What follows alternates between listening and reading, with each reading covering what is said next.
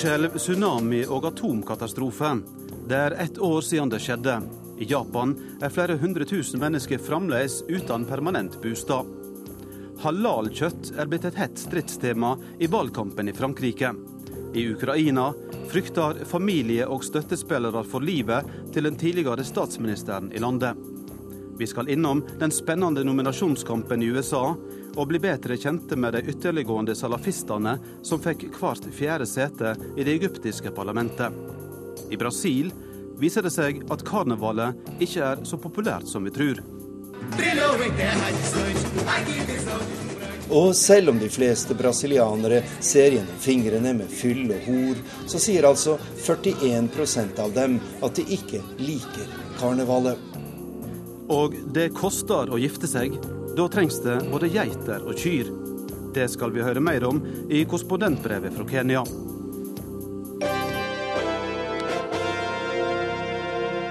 Dette er Verden på lørdag, i studio Eivind Molde. Vi starta denne sendinga med Syria, der eh, FNs tidligere generalsekretær Kofi Annan nå er på plass i hovedstaden Damaskus. Han kom fram for to timer siden. Og Midtøsten-korrespondent Sigurd Falkenberg Mikkelsen, hva er formålet med Annans reise til Syria? Han reiser som spesialutsending for FN og for Den arabiske liga.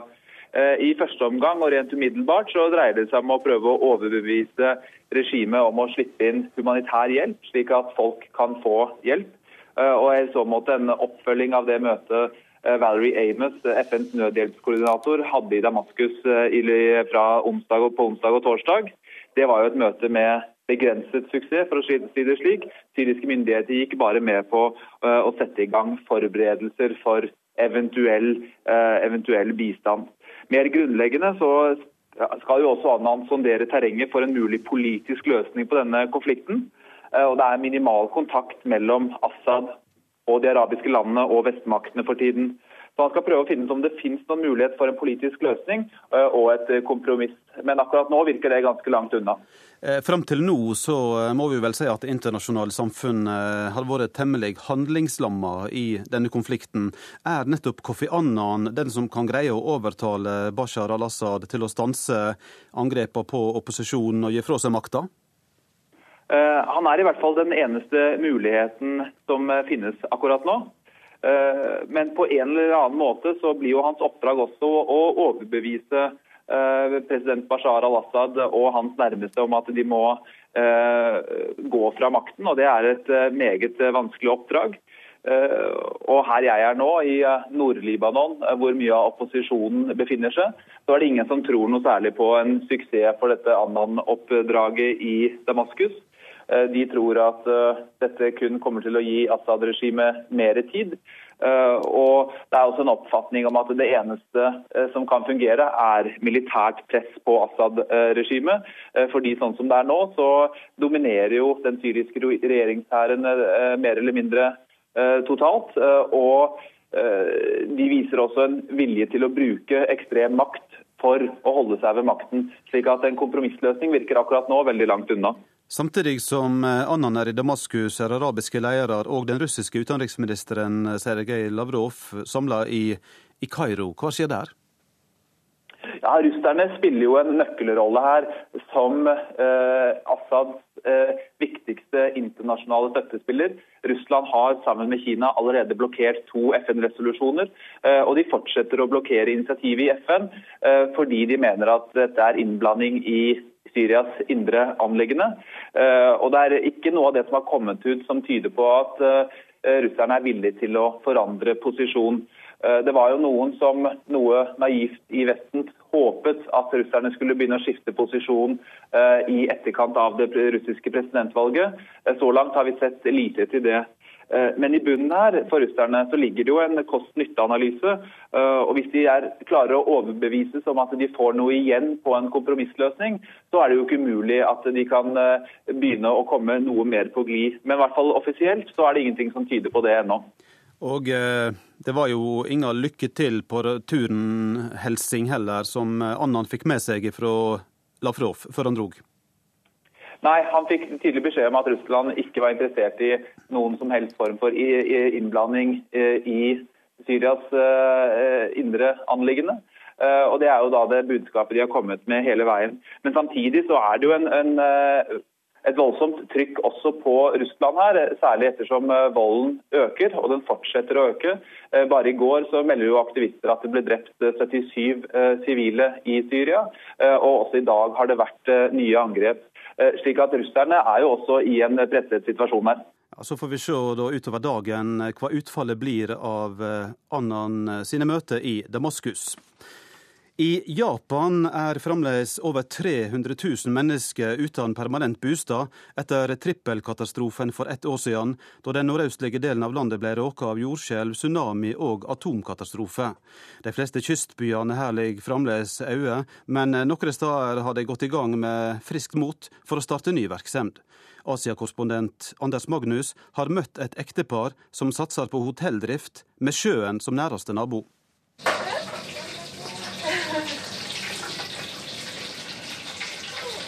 Det koker i smultgrytene til Yokobai-kava. Her frityrstekes fisk som skal bli en del av de lekre lunsjpakkene som har blitt en spesialitet for det vesle hotellet og spisestedet som hun og mannen Shunjiro driver. Bygningen var opprinnelig en gammel seilerskole, praktfullt beliggende helt ute ved sjøen i bukten som vender inn mot byen Yamada i Nordøst-Japan. For ett år siden rev den voldsomme flodbølgen med seg all bebyggelse som lå nede ved havflaten, og dette huset ble heller ikke spart for ødeleggelsene. Nå er ekteparet i full gang med å bygge nytt. Hele kjelleren og første etasje ble fullstendig smadret av tsunamien. Heldigvis er Shunjiro en vaktsom mann, for den dagen flodbølgen rammet, hørte han jordskjelvet og klarte å få både sin egen familie og sine ansatte ved en liten fiskebedrift i trygghet opp på høyere land før tsunamien traff.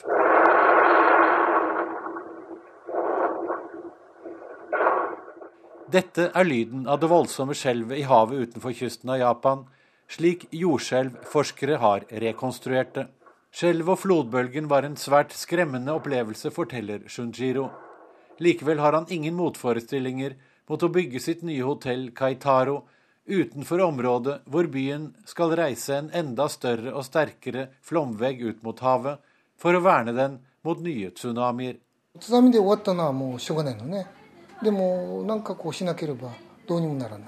Det er nytteløst å tenke på hva som har skjedd, sier Shunjiro.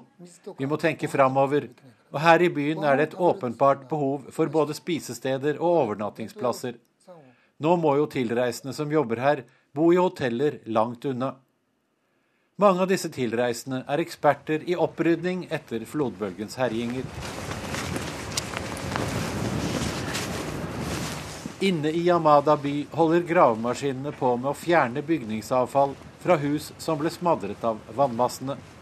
Store deler av sentrum er fortsatt bare en tom flate, hvor grunnmurene står tilbake.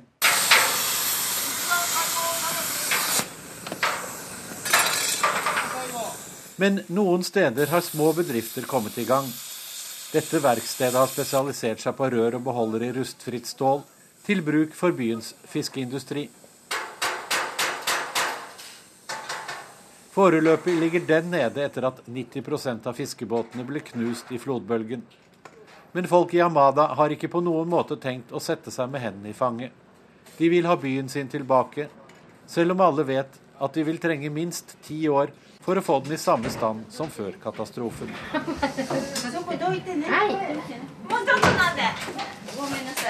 Også ute i kjøkkenet på hotellet er det optimisme og gode lyder fra fru Yoko og de to døtrene som jobber sammen med henne der. I det siste har Yoko også opplevd noe som forsterker optimisme. Mm, 少しあれかなあの笑顔がこう出てきたかなって感じですね。 Jeg har sett at folk i Yamada har begynt å smile igjen, sier hun. Små smil i hverdagen som gjør det mulig å leve gjennom de forferdelige minnene fra katastrofedagen for ett år siden.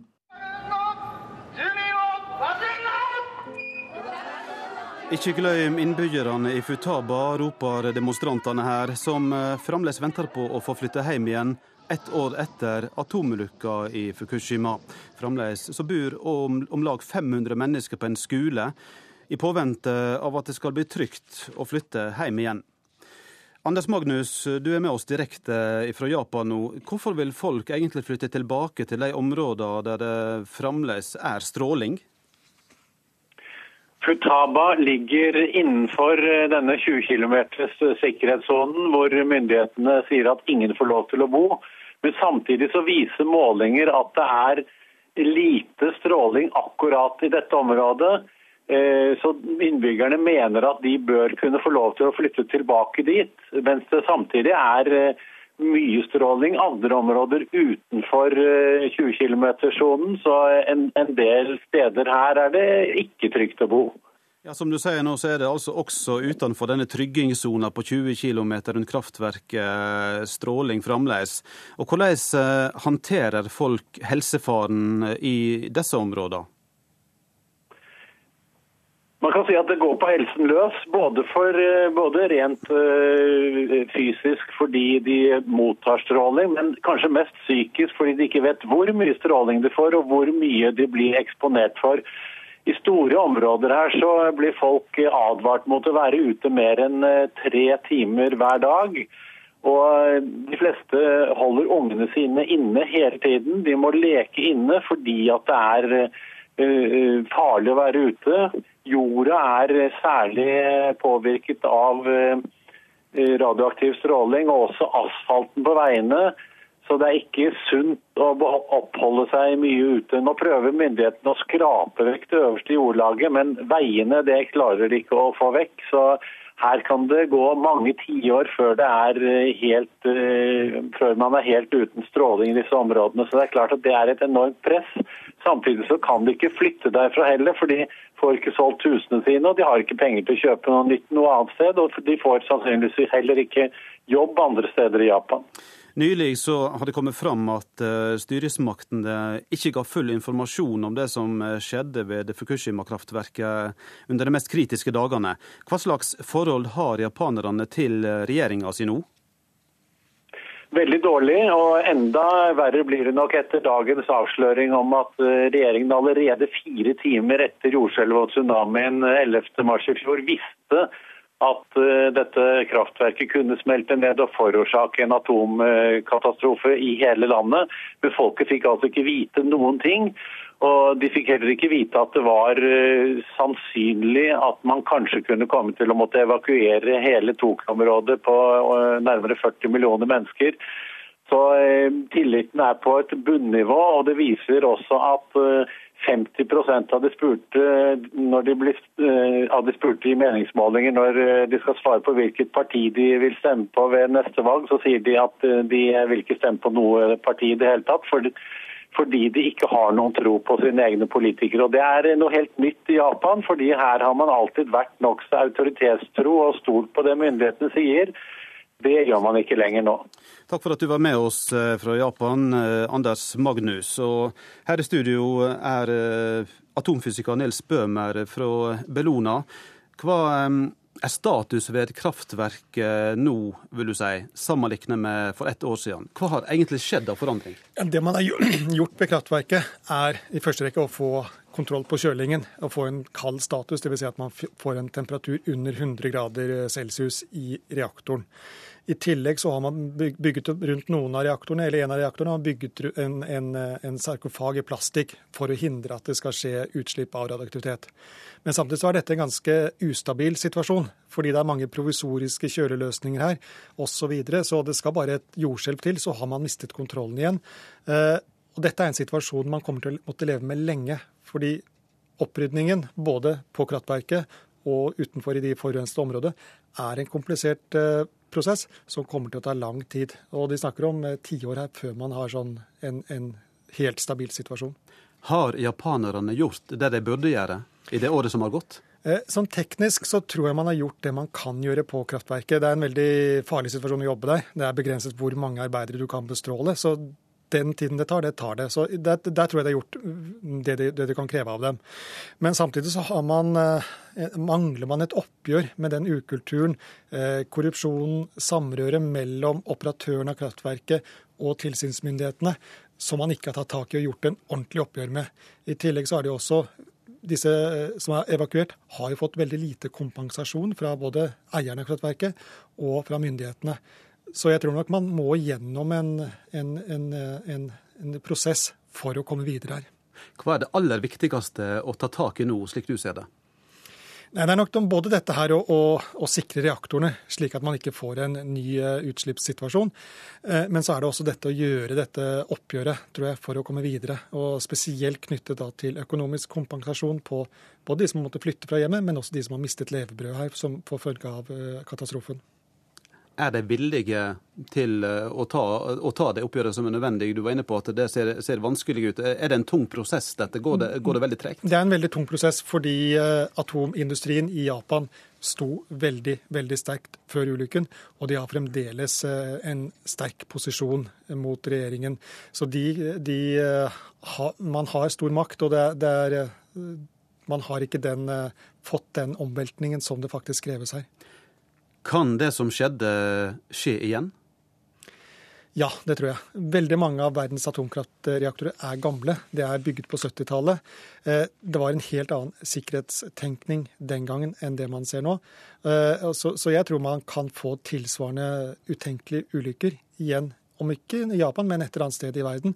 Fordi man har gamle reaktorer fremdeles i drift. Og jeg håper jo at eh, Fukushima-ulykken vil gjøre, føre til en endring av den praksisen med at man ikke forlenger levetiden utover de 30-40 år som eh, atomkraftverkene etter planen skulle eh, drive. Takk for at du kom i eh, studio i Verden på lørdag, atomfysiker Nils Bøhmer.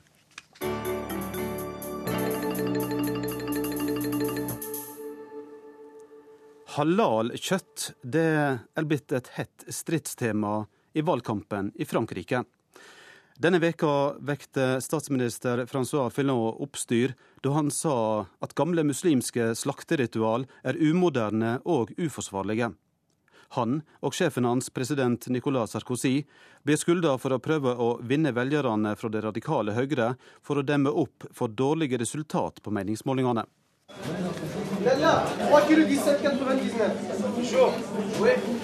Handelen går varmt hos halal-slakterne i Paris og brått er de kommet i søkelyset av fransk valgkamp.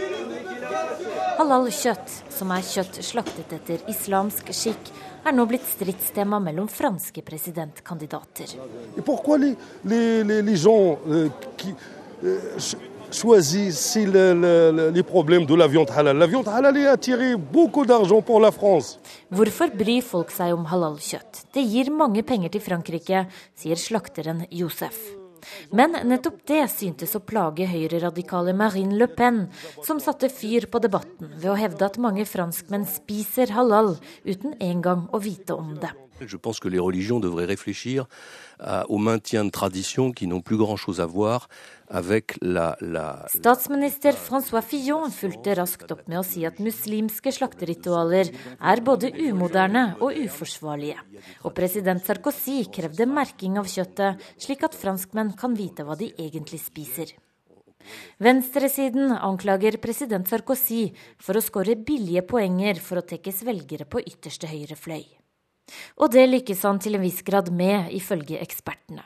For Nicolas Sarkozy holder stand mot ytterste høyre. Kampen står mellom ham og hovedrivalen Francois Hollande, sosialistenes presidentkandidat.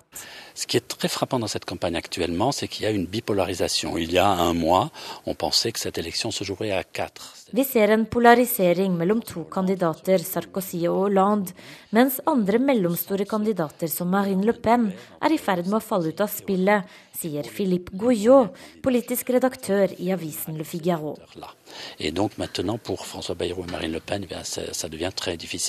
Men valgkampen har ikke gått slik Sarkozy hadde håpet. Denne uka har han prøvd å snu dårlige meningsmålinger med et hektisk medieprogram. Bonsoir Nicolas Sarkozy. Bonsoir. En kampvillig president snakket i tre timer på fransk TV om politikk, om sine svakheter og om det som mange mener er hans store styrke.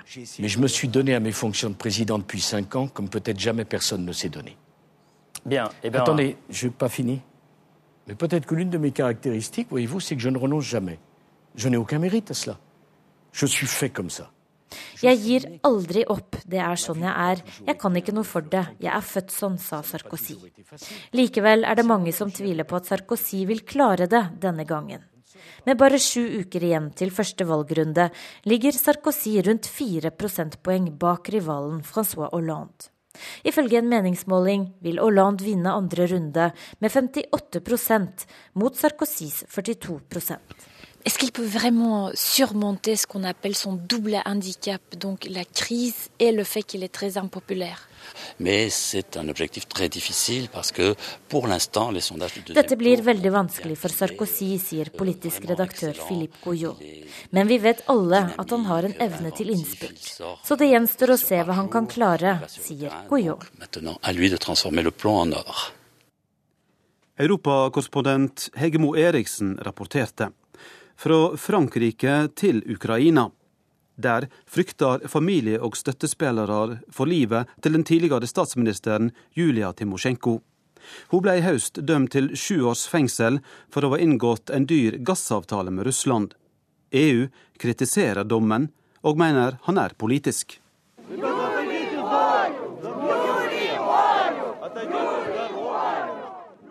Sett Julia fri, roper noen hundre demonstranter utenfor fengsel nummer 54 i byen Kharkov i Ukraina.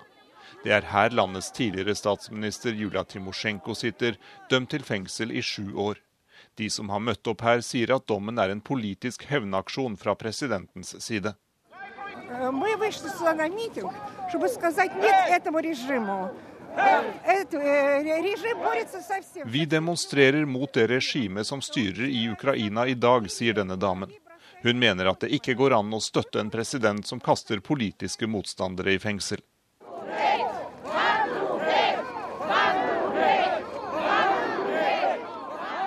Vekk med banden som styrer Ukraina, roper folkemengden. De som er her, har også kommet for å vise sin støtte overfor Julia Timosjenkos datter Jevgenia, som har kommet til fengselet denne dagen for å besøke moren. Med seg har hun også to svenske parlamentsmedlemmer som håper å få slippe inn til Timosjenko. Etter et flere timer langt møte med fengselsledelsen kommer de to svenskene skuffet ut. We want the Ukraine to be part of Europe. We want the Ukraine to be a, a country which is successful in the European integration. Vi ønsker at Ukraina skal være en del av Europa, og at landet skal integreres godt i det europeiske samarbeidet, sier Valburga Habsburg Douglas, som representerer Moderaterna i den svenske riksdagen. Men hun understreker at den behandlingen som Julia Timosjenko utsettes for, gir grunn til dyp bekymring. Etter enda en stund med venting kommer datteren ut. Hun er den eneste som får treffe opposisjonspolitikeren. Сейчас положение такое же, как было вот все эти три месяца. То есть она лежит, не встает в основном. Situasjonen har ikke endret seg så mye de siste tre månedene, sier Jevgenia. Hun påpeker at moren er sengeliggende nesten hele tiden pga. ryggsmerter og høyt blodtrykk. Hun kan heller ikke gå og ikke sitte. Og av fengselslegene får hun ikke annet enn smertestillende sprøyter, sier den 32 år gamle datteren. For noen dager siden la hun fram morens sak på en parlamentarikerkonferanse i Wien i regi av OSSE, Organisasjonen for sikkerhet og samarbeid i Europa.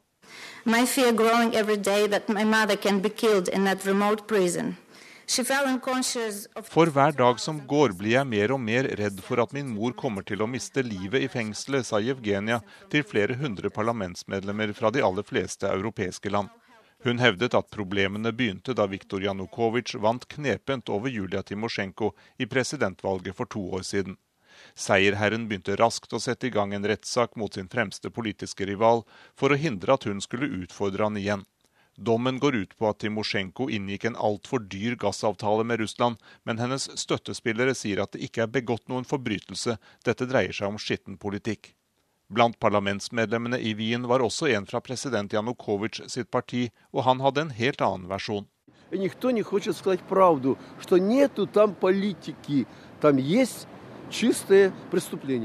I denne saken finnes det ikke politikk. Det hele dreier seg om en kriminell handling, sa Aleksandr Stojan, som representerer regionspartiet i det ukrainske parlamentet. Snorre Valen fra SV var med i den norske delegasjonen til OSSE-møtet, og han sier at behandlingen av Timosjenko er uakseptabel. Nei, Det er alvorlig at det har blitt sånn. Det var få som så for seg en så alvorlig utvikling for bare et par år siden. Eh, det krever jo bare at vi er veldig tydelige på hva vi mener. Og forum som det vi er i nå, er jo veldig viktig for det også. Der man tar bladet fra munnen og er veldig tydelig overfor Ukraina, som framtidig formannskapsland i, OSSE òg, at dette er ikke akseptabelt, og vi følger veldig nøye med. Og nå er jo helsetilstanden til Timosjenko eh, også kritisk, så vidt det har skjønt. Men myndighetene i Ukraina synes ikke at sju år i fengsel er nok for den tidligere statsministeren. De planlegger for fullt en ny rettssak, der Julia Timosjenko kommer til å bli tiltalt for korrupsjon. Reporter i Ukraina, Jan Espen Kruse. Dette er Verden på lørdag. Klokka er snart 11.30, og i den neste halvtimen skal vi bli bedre kjente med de ytterliggående salafistene som fikk hvert fjerde sete i det egyptiske parlamentet. Diplomati eller krig Utenrikskommentaren har Iran som tema. Karneval i Brasil det er ikke så populært som vi tror. Og det koster å gifte seg på Afrikas Horn.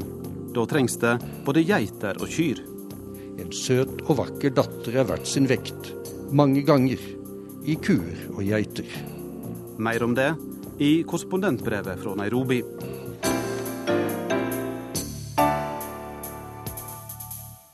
Men først nå til eh, USA, der den republikanske nominasjonskampen trekker ut. Supertirsdag denne veka ble likevel ikke den store dagen som favoritten Mitt Romney hadde håpa på. Ingen av de andre kandidatene trekte seg, men det kan vel kanskje bli ei endring på det ganske snart, USA-korrespondent Anders Tvegård? Ja, bortsett fra et eh, oppgjør i Kansas i dag, der Mitt Romney og Rick Santorum vil hamle opp med hverandre, så handler alt om sørstatene. Newt Gingrich, som er populær i sør, han legger inn alt her. Det er to valg kommende tirsdag i Alabama og Mississippi, og Gingrich talsmann har tidligere sagt at den eh, tidligere kongresslederen må vinne begge delstatene for at han skal fortsette kampanjen og håpe at han kan bli de konservatives alternativ til, til Mitt Romney. Gingrich eh, har gitt opp Kansas, der de stemmer i dag og pøser alle ressurser inn i sør. Det gjør også Rick Santorum, i håp om at han kan slå ut Gingrich og gjøre hele nominasjonskampen om til et tomannsløp mellom ham og, og Romney. Det vi nå ser, er at Santorum og Gingrich kniver mot hverandre og ikke lenger har felles front mot Romney. Hvordan står Romney i sørstatene? Han sliter og er ikke godt likt i de tungt konservative områdene. Han tjener likevel på at motstanderne nå krangler seg imellom. Selv så har Romney brukt de siste dagene i Mississippi og Alabama, og blir lettere latterliggjort av, av tilnærmingsmetoden. Hør på dette her, f.eks. And so he is, he is, he is now turning me into an, I don't know, an unofficial Southerner, and I'm learning to say y'all, and, and uh, I, know, I like grits, and the things are strange things are happening to me. Det er uh, få som tror at Romney er i ferd med å bli en sørstatsmann. Og selv om han sier at han liker eh, nasjonalretten grits, denne maiskorngrøten med, med, smør på som de gjerne spiser til frokost, så er det få som tror ham, og han sliter med å bryte gjennom de konservative hjertene. Han tapte f.eks. Tennessee til Santorum og Sør-Carolina til Gingrich. Likevel så ser vi en Romney nå i cowboyboots og med sørstatsslang og opprettede armer. Spørsmålet er bare om, om dette holder. Dette tegner også til å bli en veldig dyr eh, valgkamp. Hvordan står det til med finansene nå?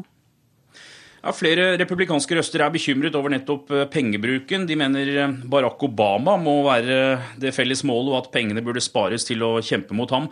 Opptellingen av valgmannsstemmer tyder på at Romney først eh, er i mål i slutten av mai, dersom det går i dagens tempo og med like mange motstandere. Men få tviler likevel på at det er han som trekker det lengste strået til sist. Altså, De fleste mener at det er han som blir den nominerte. Rivalen Rick Santorum vil likevel kjempe, og mener han vil vinne et tomannsrace mot Romney som den konservative kandidaten.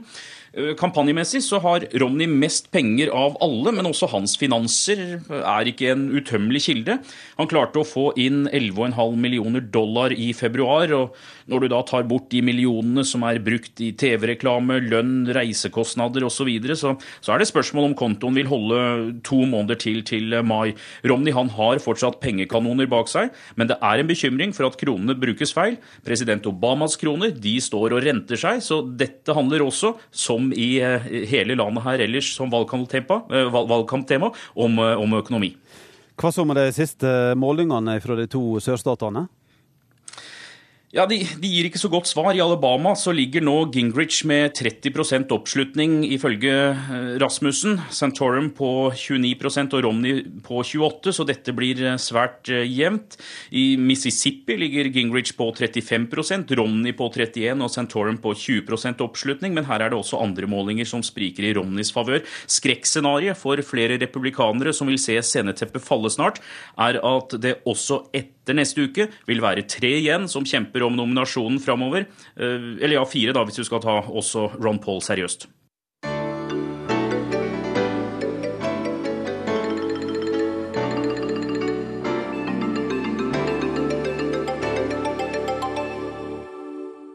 we have a window of opportunity where this can still be resolved diplomatically. That's not just my view. That's the view of our top intelligence officials. It's the view of top Israeli intelligence officials. Vi kan eh, fremdeles løse dette med diplomatiske middel. Det er ikke bare mitt syn, men også synet til etterretninga i både USA og Israel.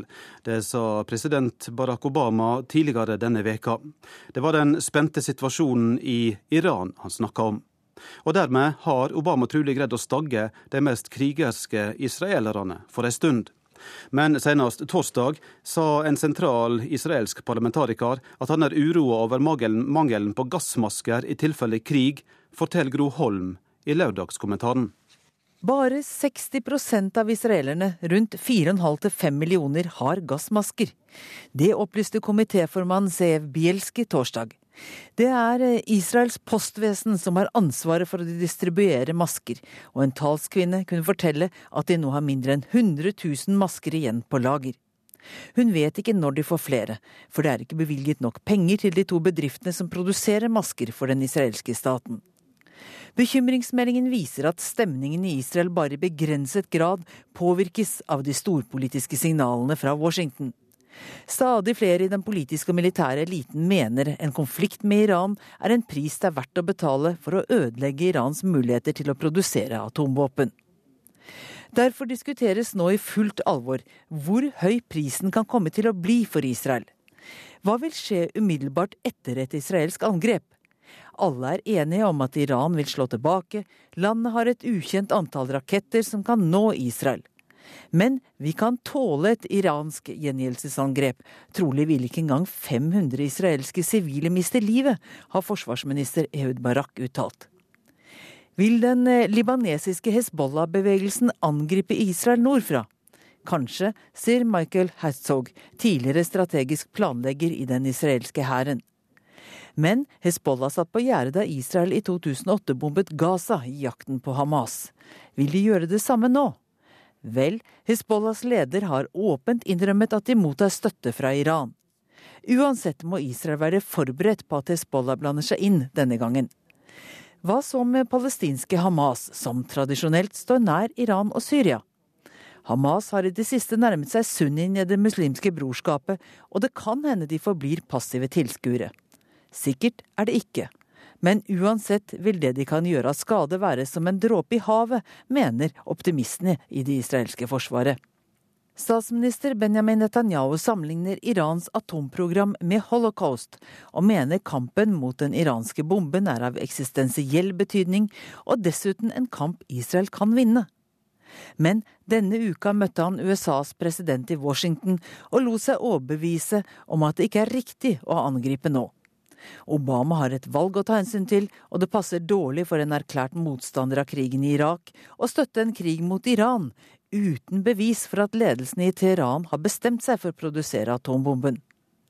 Og Israel kommer til å trenge amerikansk støtte, om ikke annet, så for å svare på antatte reaksjoner fra Iran. For iransk gjengjeldelse kan komme til å omfatte stenging av Hormuz-stredet i Persiabukta, minelegging, rakett- og torpedoangrep mot amerikanske og USA-allierte skip, og angrep mot mål i Afghanistan. Tull, iranerne vil ikke risikere full konfrontasjon med en militær overmakt, mener optimistene. Men er nå det så sikkert? Om de nærer den minste frykt for at USA vil følge opp med å forsøke å lamme det iranske forsvaret, innvender skeptikerne. Da kan et massivt og raskt iransk svar på flere fronter bli foretrukket av ledelsen i Teheran. For øyeblikket er angrepsplanene altså utsatt, men ifølge Israels statsminister dreier det seg snarere om uker enn år hvis Iran ikke endrer sin politikk.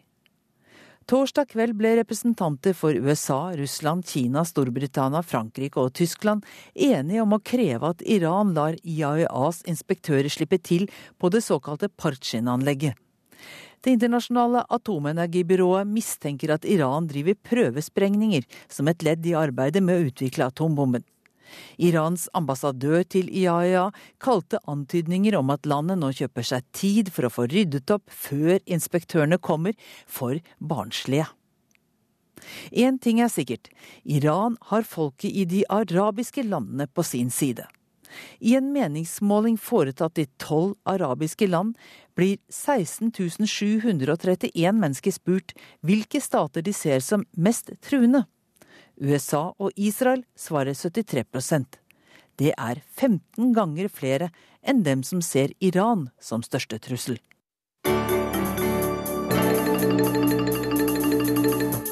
I Egypt var overraskinga stor over at de ytterliggående salafistene fikk hvert fjerde sete i parlamentet.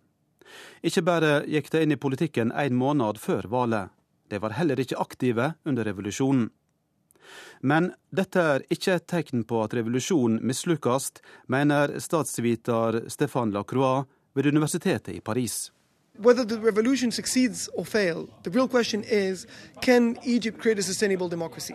You know, even if it's if, if, if it's democracy between conservative actors, a democracy where there is a real possibility of alternance, right? You know, like you know, political party being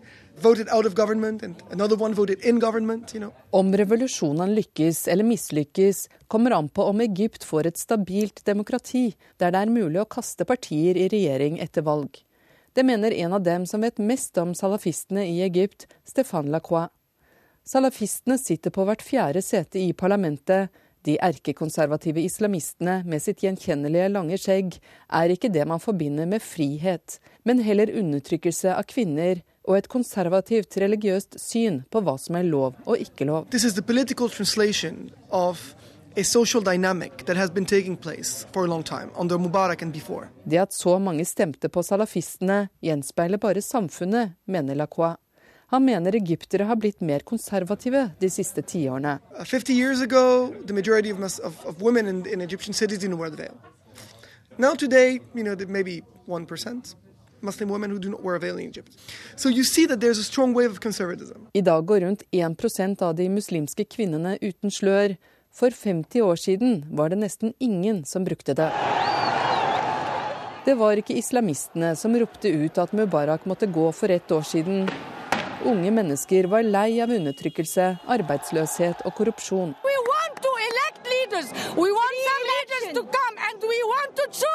Kvinner hadde en naturlig og sentral plass under demonstrasjonene, noe som ville vært utenkelig i et Egypt der salafistene har reell makt. Women, course, call for a segregation of sexes. They are not uh, willing to let women participate in elections. Uh, they are not willing to let women vote for elections. De vil holde menn og kvinner atskilt, nekte kvinner å delta og stemme ved valg. De er også imot demokrati. The literature of the Salafis historically has been that they consider democracy as being forbidden. At the same time, now they participate in a democratic system. Of course, the Salafis continue to say that Sharia is the law, that the power goes to God and not to the people. But at the same time, again, this is another another of these paradoxes, right? You, on the one hand, the literature rejects democracy. On the other hand, they have accepted it de facto. Demokrati er forbudt historisk sett, og fortsatt lever de etter sharia, Guds lover. Det er derfor et paradoks at de har akseptert demokrati, mener Lacroix. Det skjedde da de for fem måneder siden entret den politiske arena med tre partier. Some of those Salafis decided to turn political, to participate in politics, to adopt the slogan of the Islamic State, and to create those parties that have made this alliance and that are now the second political force in the country.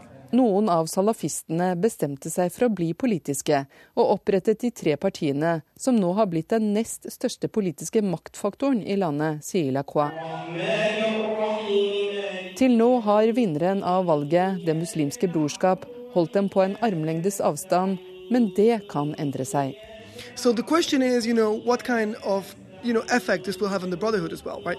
Will the Brotherhood tried to distantiate themselves to say we're not the Salafis. And that's actually what they've been doing until now. When you look at what the Brotherhood have been doing in Parliament, they've been very keen on, you know, presenting themselves as responsible political actors and trying to systematically distantiate themselves from all the excesses of the Salafis. Uh, at the same time, you know, the strategy may change. Det muslimske brorskap har ønsket å fremstå som ansvarlige, men dersom salafistene vinner oppslutning med sin populistiske politikk, kan de komme til å inngå allianser med dem, tror Lacroix. Uh, men hvordan kunne noen langskjeggete konservative muslimer bli oppfattet som et friskt pust og få så mange stemmer av egypterne? Uh, is linked on the one hand to their rhetoric. The Salafis have been really good at presenting themselves as closer to the people. De har klart å fremstille seg som folkets parti, mens de stemplet brorskapet som en allianse med tette bånd til eliten.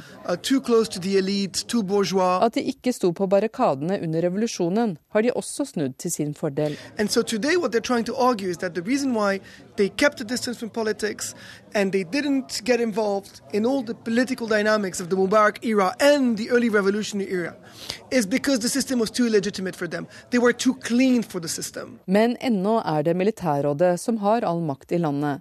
Og inntil grunnloven endres, vil den kommende presidenten regjere uten å måtte forholde seg til parlamentet og islamistiske partier. Reporter her var Åse Marit Befring. Brasilianerne elsker karneval. Det er iallfall det vi alltid har trodd. Men ei undersøking viser nå at dette er ei sanning som står for fall. Fire av ti innbyggere sier nemlig at de ikke liker karneval, og 13% av disse sier til og med at de hater denne tradisjonen. Arnt Stefansen har sendt oss denne reportasjen fra Rio de Janeiro.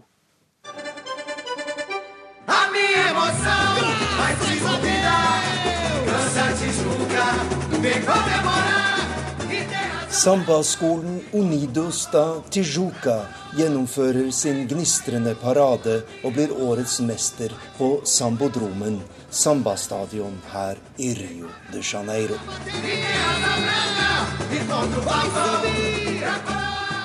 Karnevalet her i Rio i forrige måned var en braksuksess, med mer enn én million besøkende og en inntekt for byen på hele fem milliarder kroner. Men ifølge en stor undersøkelse som det kjente meningsmålingsinstituttet i Bopi nå har offentliggjort, har den vanlige brasilianer et overraskende negativt syn på den verdensberømte festen. Hele 41 liker ikke karnevalet, viser undersøkelsen. Reservado, det er ikke nytt at en del av den brasilianske befolkningen har et reservert forhold til karnevalet, sier den 32 år gamle Claudio Rodriguez fra bydelen Peña i det nordlige Rio. Det har i mange år vært slik at når karnevalet starter, så reiser hundretusener av mennesker ut av byen fordi de synes det blir for mye bråk og styr. Men at en så stor del av Brasils befolkning ikke liker karneval, slik denne undersøkelsen viser, det overrasker meg, sier han. A palavra de Deus diz que a palavra é fogo, é martelo que esmiuça a penha, a pedra. En predikant i en av de store frikirkene her i Brasil advarer sin menighet mot å leve i synd, og han nevner karnevalet som en kilde til moralsk forfall. Igreja Messianica Mundial, den messianske verdenskirken, har mer enn tre millioner tilhengere her i landet, og er en av de hardeste kritikerne av den brasilianske karnevalsfeiringen.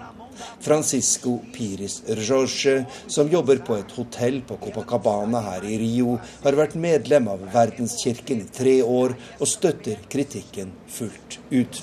Coisa sexual, bebida, eh, Sex og drikking er det som preger denne festen. Karnevalet er en hemningsløs dyrking av det seksuelle begjær, og er derfor en svært syndig og skadelig tradisjon. Den leder menneskene bort fra den riktige vei, den som fører til frelsen og til Den hellige ånd. Kirken søker det beste og edleste i mennesket, men karnevalet dyrker det motsatte, sier Francisco Piris Jorge.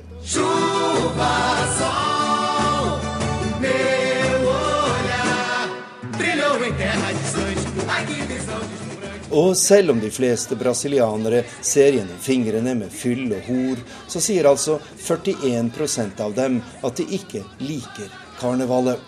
13% sier til og med at de hater denne mest berømte av alle brasilianske folkefester. Den viktigste begrunnelsen er at karnevalet er en bråkete fest med fyll og spetakkel, trafikkaos og søppel i gatene. Undersøkelsen fra Ibopi viser riktignok at 59% av brasilianerne liker karnevalet, men at det bare er en liten del av befolkningen, rundt 16% som aktivt deltar.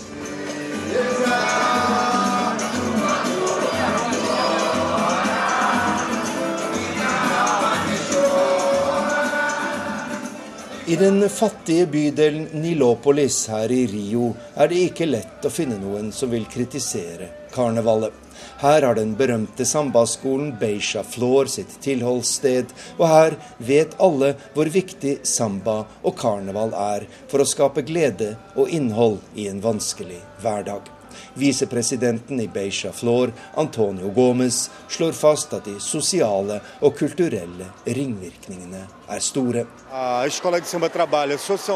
Cidadão en sambaskole har en sosial oppgave i sin bydel, men fungerer også som en vanlig skole. Her lærer elevene å danse samba, her får de et skoletilbud, her er det en helsetjeneste, og her er det ulike idrettstilbud. Det viktigste er kanskje likevel den selvtillit det gir deltakerne at de som kommer fra en så lutfattig bydel, greier å lage en vakker og spennende karnevalsparade som blir beundret over hele verden.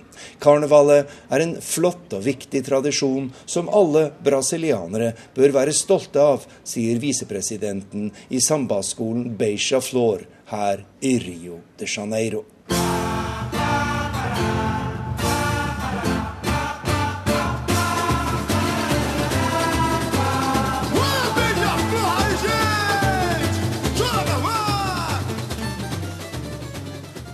Vi skal over til korrespondentbrevet, som i dag er skrevet av Lars Sigurd Sunnanå i Nairobi. Vi skal høre at uh, tradisjonene i samband med bryllup er helt annerledes i Kenya enn i Norge. Stikkord er geiter og kyr, og et økonomisk ansvar som ikke ligger på brura sine foreldre, slik tradisjonen gjerne er her i landet. I det internasjonale pressesenteret hvor NRK har sitt kontor her i Nairobi, er Johnson blitt en av mine gode venner. Han jobber vegg i vegg med meg som fotograf for korrespondenten til Sør-Afrikas statskringkaster, og er stor og røslig, stø og sindig og en trofast kirkegjenger i menigheten sin. I går banket han på døren med en invitasjon. Hans 22 år gamle sønn Herman skulle gifte seg, og innbydelsen gjaldt en førbryllupsseremoni på en restaurant nede i sentrum av den kenyanske hovedstaden. Der vil jeg få anledning til å møte både brud og brudgom, og til å delta i en skikkelig bønn for dem og deres fremtid. De fleste av journalistene og fotografene i pressesenteret hadde allerede takket ja til å komme. De visste alle hva invitasjonen egentlig dreide seg om. Johnson trengte milde bidrag til den store begivenheten, og jeg fikk raskt klarhet i at det var ventet at jeg tok med meg en konvolutt med et hyggelig seddelinnhold til bønnestunden. Det er slik det gjøres gode kolleger imellom i Kenya. Det river kraftig og brutalt i lommeboken for far, som skal hjelpe sønnen sin til å skaffe seg en høvelig hustru på Afrikas Horn. For det er som regel han som må ta støyten. Det er ytterst sjeldent at poden besitter midlene som må til for at vordende svigerforeldre skal frigi den utkårede for at hun skal bli smidd i hymens lenker. En søt og vakker datter er verdt sin vekt, mange ganger, i kuer og geiter. Taksameteret begynte å tikke allerede da Johnson, sammen med sønnen, avla sitt første besøk hos jentas foreldre i en landsby like utenfor Nairobi, med forespørselen om Herman kunne få hennes hånd. Som mulig svigersønn fant den unge mannen umiddelbart nåde for deres øyne. Den biten var grei.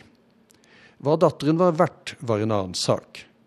Reelle forhandlinger om det fikk komme senere.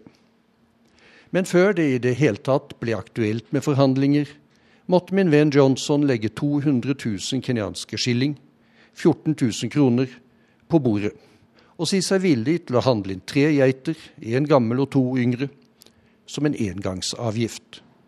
Etter det vil det være klart for hovedforhandling tre uker senere. Johnson hadde med seg seks brødre og fettere da dagen for den avgjørende forhandlingsrunden opprant.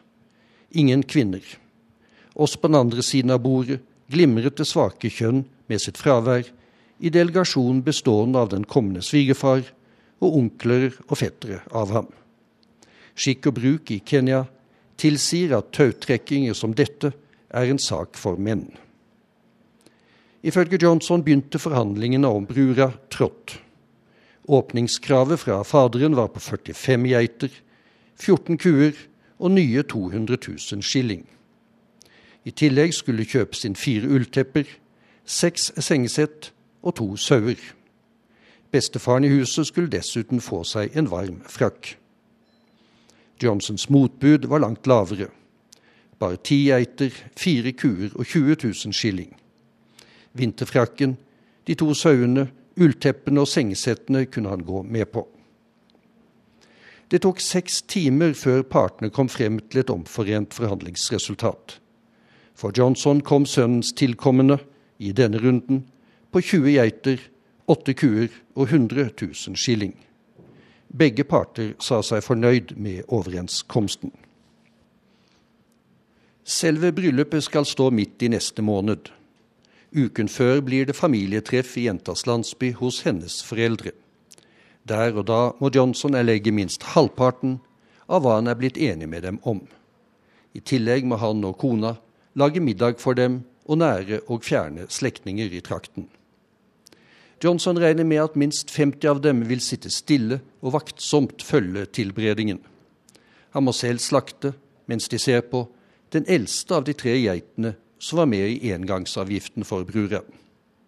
Så skal den grilles, og når det er gjort, er det gjort, for å si det slik. Etter at brud og brudgom og familiene på begge sider har forsynt seg av geitekjøttet, kan ingen av partene trekke seg fra vielsen som kommer. Heller ikke den er noen spøk for Johnsons lommebok. Han må stå for alle kostnader når anslagsvis 350 gjester skal hentes til kirken i Nairobi fra nær og fjern. Transport, overnatting og full forpleining må besørges for de tilreisende. Bryllupsmiddagen koster selvfølgelig en haug med penger for så mange, og i tillegg må han leie Mercedes slik at bruden og foreldrene ankommer standsmessig til vielsen. I det hele tatt, Johnsons totale bryllupsbudsjett for sønnen nærmer seg med smått og stort og innkjøp av alle geitene 1 million skilling, 70 000 kroner. Det er mye penger her i Kenya. Johnson tåler det nok, siden han er rimelig godt betalt fra Sør-Afrika. Men han har to voksne sønner til som ikke er gift ennå. Han tør nesten ikke tenke tanken på hva som skjer om også de finner lykken i nær fremtid. For svært mange kenyanske ungdommer er tradisjonelle ekteskap nærmest blitt utenkelige. Kostnadene og lønnsnivået her i landet tatt i betraktning. Johnson, blir jeg fortalt, har tross alt sluppet billig fra det, fordi han tilhører Kamba-stammen. De ville ha kostet langt mer, kanskje dobbelt så mye, om hans nye svigerdatter hadde tilhørt Kikoyo-stammen, som har et vesentlig høyere prisnivå når døtrene er gifteklare. Så når en far enten ikke kan eller vil skaffe geitene og kuene som må til, velger stadig flere av Kenyas unge menn og kvinner samboerskap. Men heller ikke da slipper beileren unna en geit eller to. En av de unge fotografene her i pressesenteret, Thomas, forteller meg at han måtte ut med 150 000 skilling, to geiter, én kasse øl og én kasse mineralvann, før foreldrene til hans samboer ga klarsignal til henne, slik at de kunne flytte sammen. Nå frykter han likevel det verste, fordi han har brukbar lønn og i de siste årene har levd tilsynelatende lykkelig med sin samboer og lille datter i et av Nairobis bedre middelklassestrøk. Både han og samboeren tilhører Kikoyo-stammen, og hennes foreldre er langt fra like lykkelige over å ha gitt slipp på datteren for hva de oppfatter som en slikk og ingenting. Thomas har derfor ikke våget fortelle samboeren hvor mye han tjener, og at han har klart å legge seg opp litt penger i banken.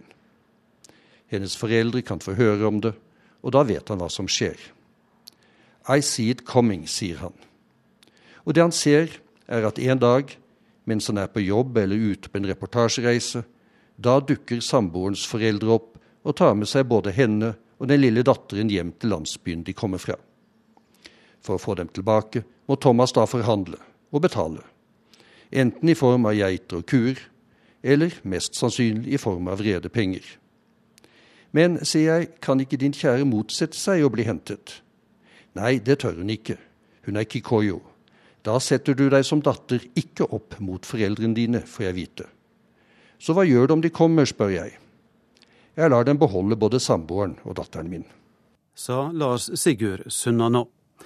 I løpet av eh, denne timen har spesialutsending Kofi Annan gjennomført møte med den syriske presidenten Bashar al-Assad.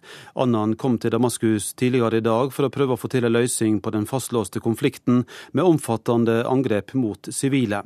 Møtet var holdt i en positiv atmosfære, ifølge meldingene fra Damaskus. Flere detaljer om dette i nyhetssendingene utover dagen. Da er eh, verden på lørdag straks slutt. Teknisk ansvarlig var Fred Johansen. Skript Lars Christian Rød. Og her i studio, Eivind Molde.